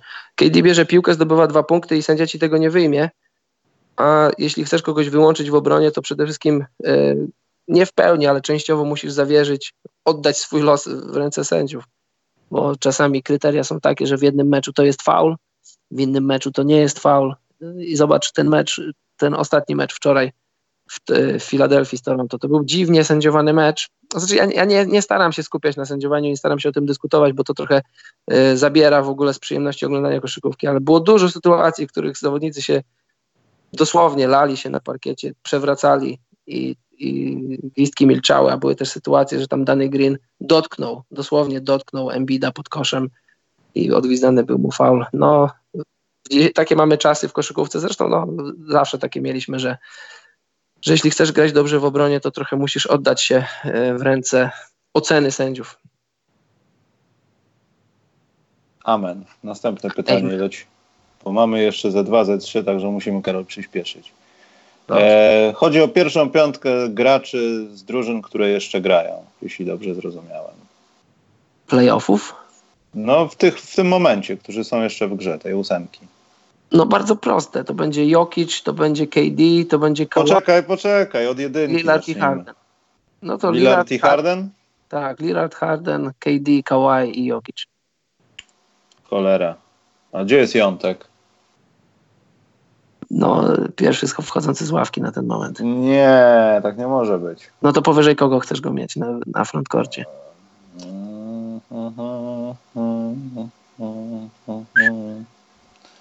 To musiałbym wyrzucić Lillarda. Be my guest. To wyrzucam Lillarda z mojego składu. No ale co, ma rozgrywać? Tak, będzie, będzie zajebiście. Mówię ci. Nie, no kłopot jest faktycznie, no, bo tak naprawdę trzeba byłoby wyrzucić Okicia. A też nie mamy kompletu spotkań czterech też, bo u reszty jak najbardziej. Może też, no dobra, no może też nie, no. Ale no nie wiem, Karol, no nie wiem. Zastanawiam się, bo to już nie mogę znaleźć powodu, żeby go tam wrzucić, szczerze mówiąc. Niedobrze. Eee, czy według Was dojdzie do kiedyś do wygrania serii drużyny przegrywającej 0-3? Jeśli tak, to co hipotetycznie musiałoby się stać w takiej rundzie? Ta drużyna, która przegrywa 0-3 musiałaby zagrać lepiej. Bardzo dobra to jest odpowiedź. A w tej pierwszej kontuzje. Ale 1-3 to prawie to samo co 0-3. Nie wiem, może kiedyś się to wydarzy, nie wiem. Skąd nadajecie swoje podcasty? Macie swoje podcastowe biura? Nie. Tak. Masz swoje Karol, biuro podcastowe? No, siedzę właśnie w nim teraz. A, to ja też mam. No. E, Bogusz Media pompują mega presję. Nie rozumiem, co tu się stało z tym. A, to nie jest pytanie. Też nie rozumiem. E, Media pompują mega presję na zawodnikach. No zobacz, co robią nasi influencerzy z podcastu specjalnego. Antek Boston ciśnie, a panowie już cisną. Jakie ma być morale tej teama po tym live? Ja właśnie nie wiem, ale on dzwonił do mnie e, i powiedział, że też mu się to nie podoba. Ktoś rzucił tutaj Lillard, Harden, Durant, Jontek i Horford. No ale dlaczego, dlaczego e, Janis nad Kałajem? Janis nie jest lepszy od Kałaja w tych playoffach. Jeszcze. Jeszcze, no może w finałach czy w finałach konferencji będzie, może będzie miał kryzys Kałaj, ale na ten moment, na ten moment Kałaj gra lepiej niż, niż Janis. Dobrze, bo już chodzą oszczerstwa, że to my zabiliśmy tej Tiuma, ale on sam się zabija rzucaniem 0,5. Treningi z Kobim Bryantem go zabiły. Yep. On za szybko wybuchł i e, czy ktoś poza Houston jest w stanie zatrzymać Golden State na zachodzie? No, jest. Poza, poza Houston nie. Dwie rzeczy są. Zamach terrorystyczny i ebola w samolocie. Poza tym nie wiem Tak, tak e- poważnie, Karol, mówi się o tym, że Boogie Cousins może wrócić w te playoffy, pewnie, nie wiem, finał konferencji pod koniec albo gdzieś finał NBA, jeśli do niego dojdzie, w ogóle jeśli dojdzie do tych dwóch rzeczy. To jest ciekawe, czy to się uda. Ebola jest I- underrated. Underrated, jak każda choroba jest underrated. Mm, Jedziesz, Karol, na Mistrzostwa Świata w FIBA 3 na 3 do Amsterdamu? Nie. Ty? Ja chyba też nie. Portland ich zatrzymają. Tak. Na rogatkach stanu Oregon będą stali z policją stanową i Na aresztują PlayStation. ich. Na PlayStation, w GTA 5. Aresztują ich. Dobrze. Na Chodzimy joysticki. już po paraboli głupoty, Karol, więc musimy kończyć ten przepiękny podcast. Myślę, że będziemy w okolicach piątku, ale o tym będziemy informować na wszędzie, czyli na Facebooku. Na Instagramie może nie, ale tam są ciekawe zdjęcia, także też możecie wchodzić. I możecie też na Patronite wchodzić na przykład. Tam, tam się sprzedajemy. Na Donatach też się sprzedajemy, tylko nie działały dzisiaj. Mało tego, że możecie, powinniście. To jest dobrym tonie. Powinni, to jest bardzo dobrze. W ogóle pomaganie tak twórcom jest tak. bardzo dobre. To jest tak jak idziesz do kościoła i zbierają na tacy. No nie musisz, ale jak coś Mhm. wrzucisz, to fajnie. Tak. I to wcale, no nieważne. Na Instagramie jest dużo gołych bab, a u nas nie ma bab. Jest Carlos Buzer. No. Jest e, PG-rated czasami, czy Aha. coś. Dobrze, trzymajcie się 8 dni do draftu, Karol. Zająmek niedługo gdzieś zostanie już usadzony wstępnie, także musimy to pilnować, więc yy, czas na ciebie, Karol. Dziękujemy za dziś i dobranoc, mili ludzie.